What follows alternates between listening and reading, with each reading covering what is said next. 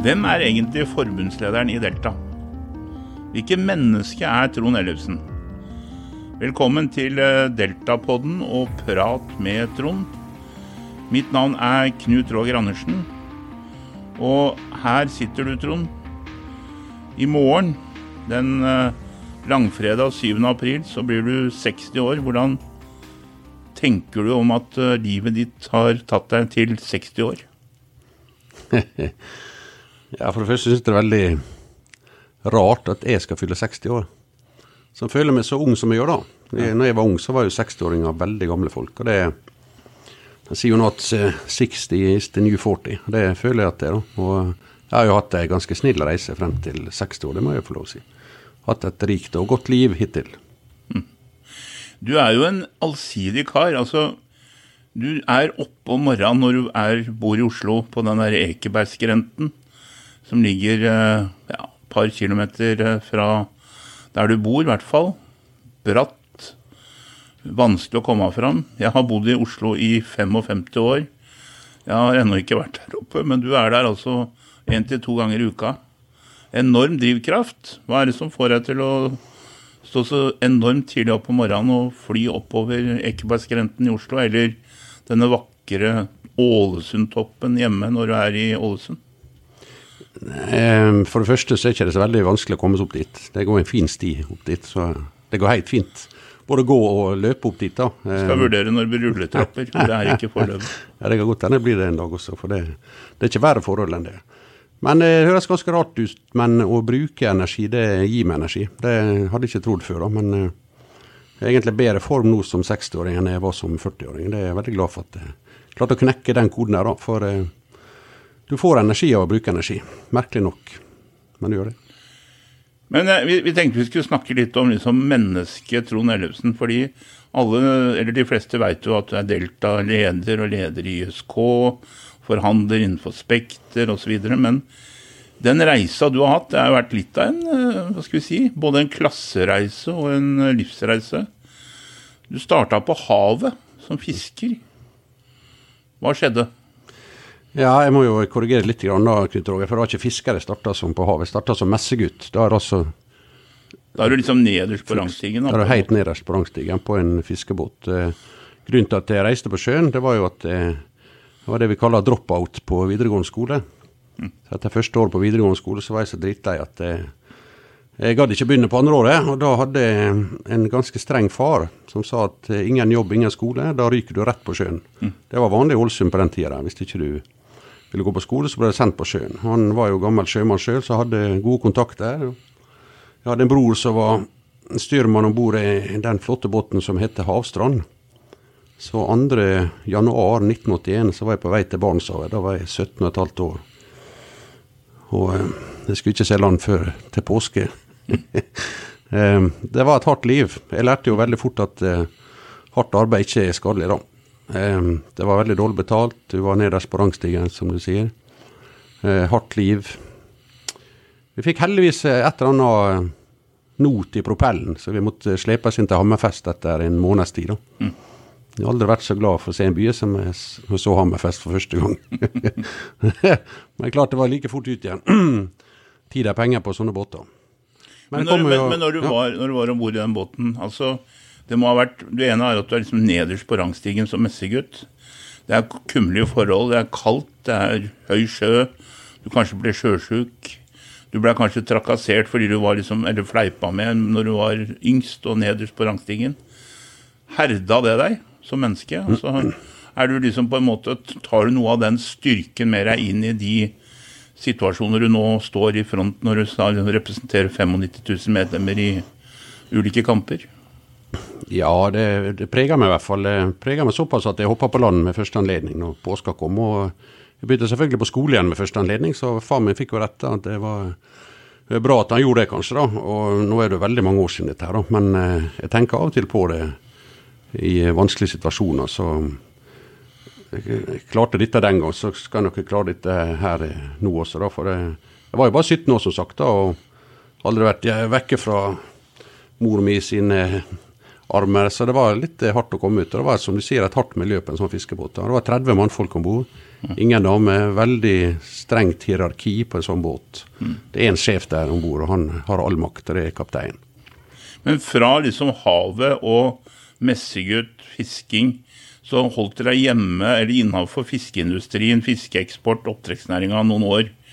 Eh, du er sunnmøring. Er det der du har det hva skal vi si, det, hva skal vi si, det næringspolitiske, det forretningsmessige? Fordi du er jo en, du er en som forbundsleder så er du også en strateg. Og så er det ting du har tatt med deg fra de åra i fiskeindustrien og oppdrettsnæringa som du har bruk for i dag?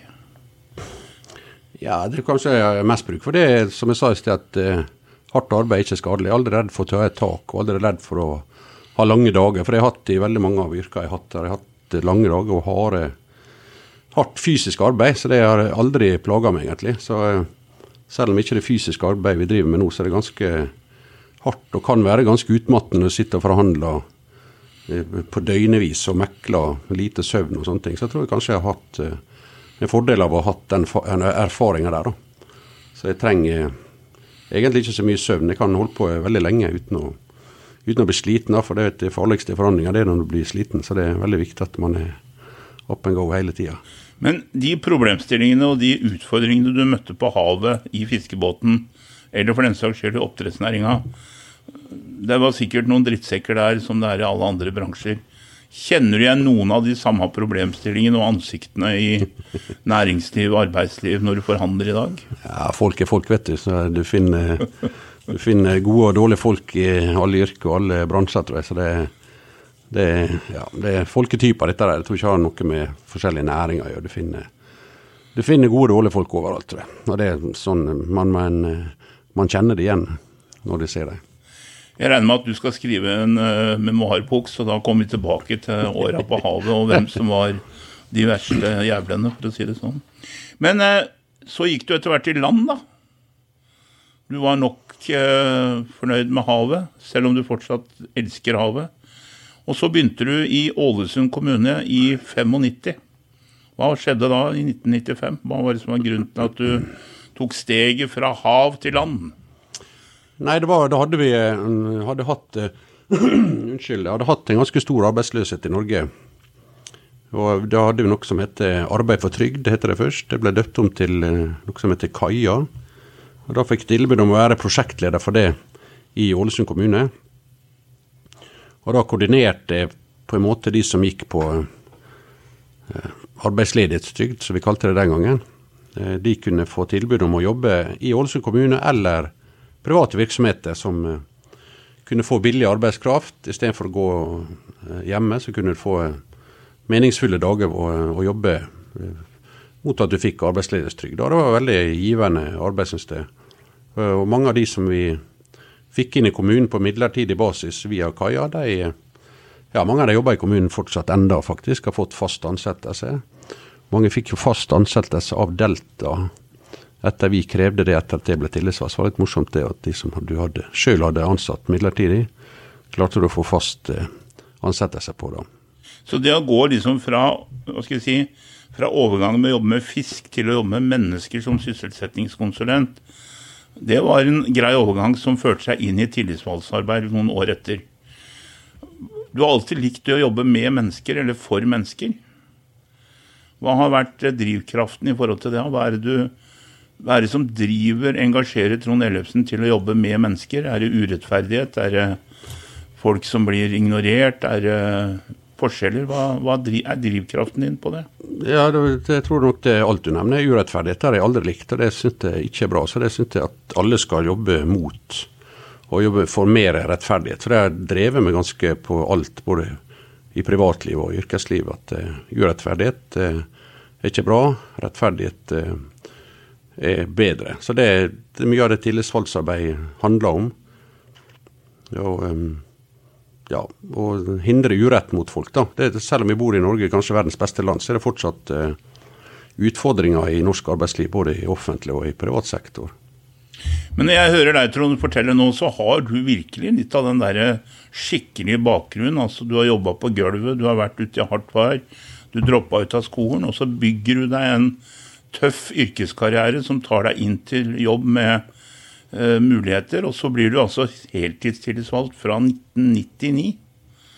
Det er veldig mange år siden. Det er altså 25 år snart hvor du har vært heltidstillitsvalgt. Det er et kvart århundre. Uh, hva var grunnen til at du sa ja til å bli tillitsvalgt i 1999? Jeg skal være helt ærlig på det, så kjeder jeg meg ganske mye på den jobben jeg hadde da. Altså, ja, flere grunner det, selvfølgelig. da. Men så var det noen som spurte om jeg, jeg kunne tenke meg å bli hovedtillitsvalgt for KFO, som vi heter den gangen, i Ålesund kommune. Jeg tenkte ja, det kan jeg godt eh, tenke meg å gjøre, for da får jeg andre, andre, arbeidsoppgaver, andre muligheter. Så jeg takka ja til det. Og så ble jeg valgt til det. Man må jo velges til dette der, så jeg ble valgt til det. og siden da så ble du aldri valgt, men bare gjenvalgt? Ja, det, det er ikke sånn jeg sier det, ja. Men det var jo det, det var ei som heter Martha, som var tillitsvalgt til KFO den gang. og husker veldig mange sa oi, oi, oi, tør han dette der, da? Ta over etter Martha. Dette går ikke an. Martha i farta. Ja, Martha i farta. Så det, men det gikk jo veldig fint, det. Og det samme skjedde jo når jeg gikk av i 2012, når Hanne Tonning tok over. Så var det akkurat det samme hun hørte. Å, herregud, tør hun dette da? Ta over etter Trond. Det også gikk jo veldig bra. Og teltene vokser stadig i Ålesund. Så eh, ingen er uerstattelige. Alle kan erstattes. Så det må man alltid huske på. Til deg som lytter på denne podkasten, så håper vi at du har nytte av den. Men vi er også i startsgropa på en uh, ny satsing, og trenger gjerne tips og ideer til uh, forslag på temaer. Hvis du har innspill, så kom gjerne med det, eller så kan du følge oss på Delta sin Facebook-side. Men de åra fra 1999 til 2012, da du var hovedtillitsvalgt i Ålesund, fortell litt om hva var det viktigste du var med på?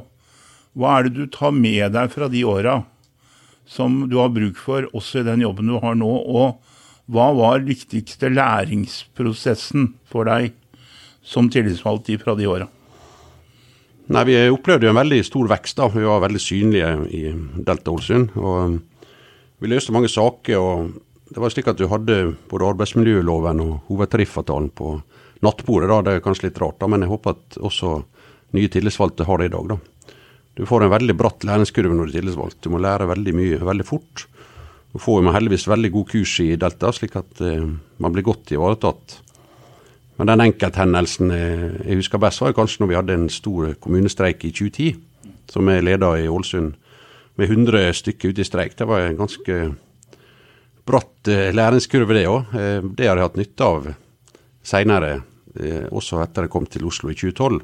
For vi har jo streika flere ganger etter det. I 2010 så var det vel 30 år siden vi KFO hadde streika før. Og nå streiker vi mye oftere fordi det er nødvendig. Mm. Du klarte jo på de åra fra 95 til 2012 å oppnå en masse viktige ting for eh, dine medlemmer, men også i posisjon som eh, hovedtillitsvalgt for eh, Ålesund kommune Delta.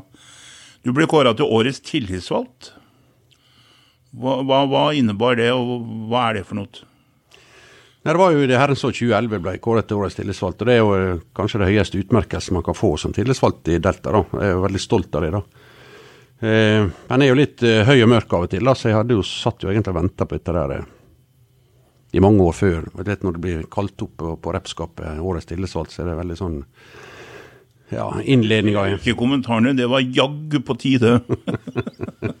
jeg sa noe sånt. Nei, det var, du blir jo litt euforisk og glad, da. Så jeg er veldig stolt av å ha blitt um, kåra til årets tillitsvalgt. Det er en stor utmerkelse som henger veldig høyt. Så jeg er veldig stolt av det, ja. Da fikk du et reisestipend, eller? Ja. Hvor dro du da? Nei, Jeg ga det til yngstedattera mi, så hun fikk besøke søstera si i New York. Det var det, det pengene gikk til. Akkurat. Men uh, du klarte også å gjennomføre en del uh, kompetanse for deg sjøl. Du har jo både utdannelse fra Møre og Romsdal fiskeriteknisk høgskole innen internasjonal markedsføring. Du har gjennomført en rekke fag innenfor HR og arbeidsrett fra Universitetet i Sørøst-Norge. Og I tillegg så gjennomførte du Genéveskolen i 2008. Ta den Genéveskolen, hva er det for noe? Genéveskolen er jo en artig sak som ble starta av eh, din gode venn Håkon Lie i 1936 eller 1937, tror jeg. Altså før andre verdenskrig. Og siden så har den vært I korte trekk så er det ja, tillitsvalgte fra både LO, YS og Unio som eh, får muligheten til å gå på skole i Genéve i tre uker. Og det følger ILO-konferansen, som er hvert år, altså International Labour Organization, eh, hvor du får eh, ja, lage dine egne prosjekt og lære om internasjonalt fagbevegelse. Det er utrolig lærerikt. Og du møter folk som eh, Jeg møter folk der som er mine nære venner enda i både LO og Unio-systemet. Så det er en utrolig fin skole å gå. Han eksisterer enda. Um, det er alle nordiske landene som har deltakere der, både Finland, Sverige, Danmark, Island og Norge. Så du får et ekstremt samhold. og jeg møter faktisk, når du og jeg var i Brussel for et par-tre uker siden, så møtte jo en gammel medelev i Brussel fra Sverige. Så er det hyggelig. altså Du møter folk eh, nesten overalt som du ble kjent med på den tida. Så det var en utrolig givende tid. Og YS har en elev eh, hvert år på Genéveskolen. Så jeg oppfordrer folk til å søke på den. Så ved 2012 så gikk du skrittet enda opp og fram. Da trakk du deg som HTV i Eh, Ålesund kommune og ble andre nestleder i Delta. Så ble du første nestleder, og så er du nå leder, Trond. Og det har jo vært en litt av en eh, karriere. altså fra liksom, Du har vært på alle ledd, du har gjort alt. Eh, hvor mye betyr tillitsvalgsordningen og tillitsvalgsrollen for deg i forhold til eh, livet ditt? Altså Det sier seg sjøl, 25 år som heltidstillitsvalgt, mange år før det som tillitsvalgt på andre nivåer. Men likevel, hvor, hvor, betydningsfullt har det for livet ditt å være tillitsvalgt? Det tror jeg har en stor betydning for alle som er tillitsvalgte. Det vil krype inn under hura di, tror jeg, at når du er tillitsvalgt, så blir du tillitsvalgt eh, ikke bare på jobb i arbeidstida, men også resten av livet ditt. Så blir du tillitsvalgt, eh, og skal du komme ned til Oslo og bli valgt som andre nestleder, så må du ha vært eh, tillitsvalgt noen år og vært med på hva skal jeg si, noen våkenetter, vært ute en vinternatt før. Du kan ikke komme til Oslo uten å ha en lang og god erfaring som tillitsvalgt. Så det tror jeg er veldig viktig at man er. da. Og um, Vi har jo så mange gode tillitsvalgte i Delta. Det er liksom det beste medlemsfordelen vår det er jo våre tillitsvalgte, uten tvil. Mm. Men hvis du skulle si overgangen på, fra det å være andre nestleder til første nestleder, og det å være leder du har jo hatt alle tre posisjonene. Hva, hva er den største overgangen? det er uten tvil fra første nestleder til leder. Jeg var andre nestleder, lå i skyggen av Erik Hollerud og Lise Ruud Orkisen. Hadde det veldig fint, egentlig. Gjorde mye av eh, ting jeg likte, mye internasjonalt arbeid og sånt. Når Erik ble YS-leder, så rykte jeg opp til første nestleder. Det var ikke så veldig stor forskjell. og jeg, og jeg som styrte butikken. Det gikk eh, veldig fint. Men så ble Lissi første nestleder i YS, og jeg rykte opp til leder. Og da mener da smalt det virkelig, altså. Fra ene dagen til den andre. Innbokser dobla seg, og telefonene dobla seg. og Alle skal ha pikk på skuldra. 'Hei, Trond, har du to minutter?' Har du to minutter? Det er en, en ekstrem overgang. Jeg trodde ikke han skulle være så stor, altså. Men eh, det ble han. Men det går veldig fint, altså. Det, jeg kjenner butikken, så jeg vet hva det går i. Men eh, ansvaret er større, selvfølgelig. Du har totalansvaret for en veldig stor organisasjon med mer enn 95 000 medlemmer. ikke sant? Gøran Persson, den svenske tidligere statsminister, han skrev en bok han skrev 'Alltid ensom, aldri ensom'. Og Det betyr at når du er på toppen, så er du alltid ensom, men du er aldri ensom. Opplever du det sånn at til syvende og sist så blir det det du mener, som avgjør hvilken retning man tar, men du er omgitt av forvirra politiske rådgivere, 24-7 og mange andre som vil gi deg råd og påvirke deg. Er den balansegangen krevende? Ja, det kan det være, men i liten grad er jeg omgitt av forvirra rådgivere. Jeg er omgitt av mange gode rådgivere i Delta. Vi har mer enn 100 ansatte i Delta som gjør en ekstremt god jobb, og som er gode rådgivere på hver sine måter. Men til syvende og sist så har jo jeg det siste ansvaret. Men vi har jo også et hovedstyre i Delta som er veldig glad i å forankre alle viktige vedtak i, i hovedstyret. Veldig opptatt av at vi skal ha en enighet også i hovedstyret, at vi ikke har noe sånn uh, uenighet om saker. Viktige saker så vil jeg gjerne ha konsensus, at alle mener det samme. da. Så du har jo på en måte en hjelp der altså, i hovedstyret, som også er et viktig organ i Delta. da. Samtidig så er det vel noe at verden hadde vært fattigere om ingen hadde våget mer enn det de kunne få igjen. Ja, det, det, er jo ja. mer, mer gjennom uenighet man kanskje utvikler ting.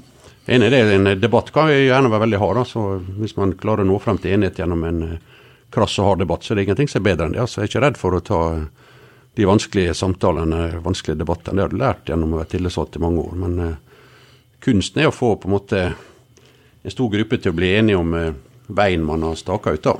Mm.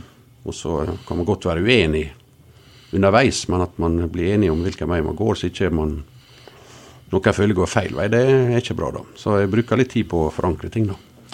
Men Trond, dette podden skulle snakke mye om uh, mennesket Trond Ellefsen. Bak deg så har du en flott uh, kone, og du har tre døtre og familie. Hvor betydningsfull har de vært for livet ditt, og hvor betydningsfull er de i dag? Det, veldig, har vært veldig betydningsfullt. Det er jo familien min, det er jo det som betyr mest i, i livet ditt. Og det har, det har vært vel, opplevd veldig stor støtte både fra Anne Mette og eh, alle tre døtrene på å være tillitsvalgt, og spesielt å, å ukependle fra Oslo til Ålesund. Det er ganske krevende, det også. Eh, man ser hverandre litt for lite, kanskje, men eh, så er man ekstra glad for å se hverandre når man først er sammen. Da. Og det har betydd veldig mye med, for meg, selvfølgelig, som familie, og det gjør de selvfølgelig fortsatt. Ja. ja, nå er det 60 år i morgen. to ganger 30. Det er jo bare halvveis. Du tar jo i hvert fall 30-40 år til. Hva er eh, tankene om framtida for mennesket Trond Ellefsen? Nei, Jeg tenker at 60 det er bare et tall. Jeg føler meg jeg føler meg altså, rett og slett ikke som 60 år, jeg må si det. Men det er klart, eh, alle rundt meg, alle kompisene blir jo 60 eh, år, så det er på en måte den nye normalen for oss det da, som er i den alderen. Men jeg er full av energi, og jeg kommer til å stå på like mye og vel så det er fremover. Ingen problem. Hjertelig gratulerer med morgendagen, Trond. 60 år er bare et tall. Det er jo presidenter i USA som er 80, så du har jo fortsatt mange muligheter. Takk for at dere hørte på, alle sammen. Vi ønsker dere alle en riktig god påske. Og vi høres igjen om en måned. Og mitt navn er Knut Roger Andersen. Og mitt navn er Trond Ellefsen.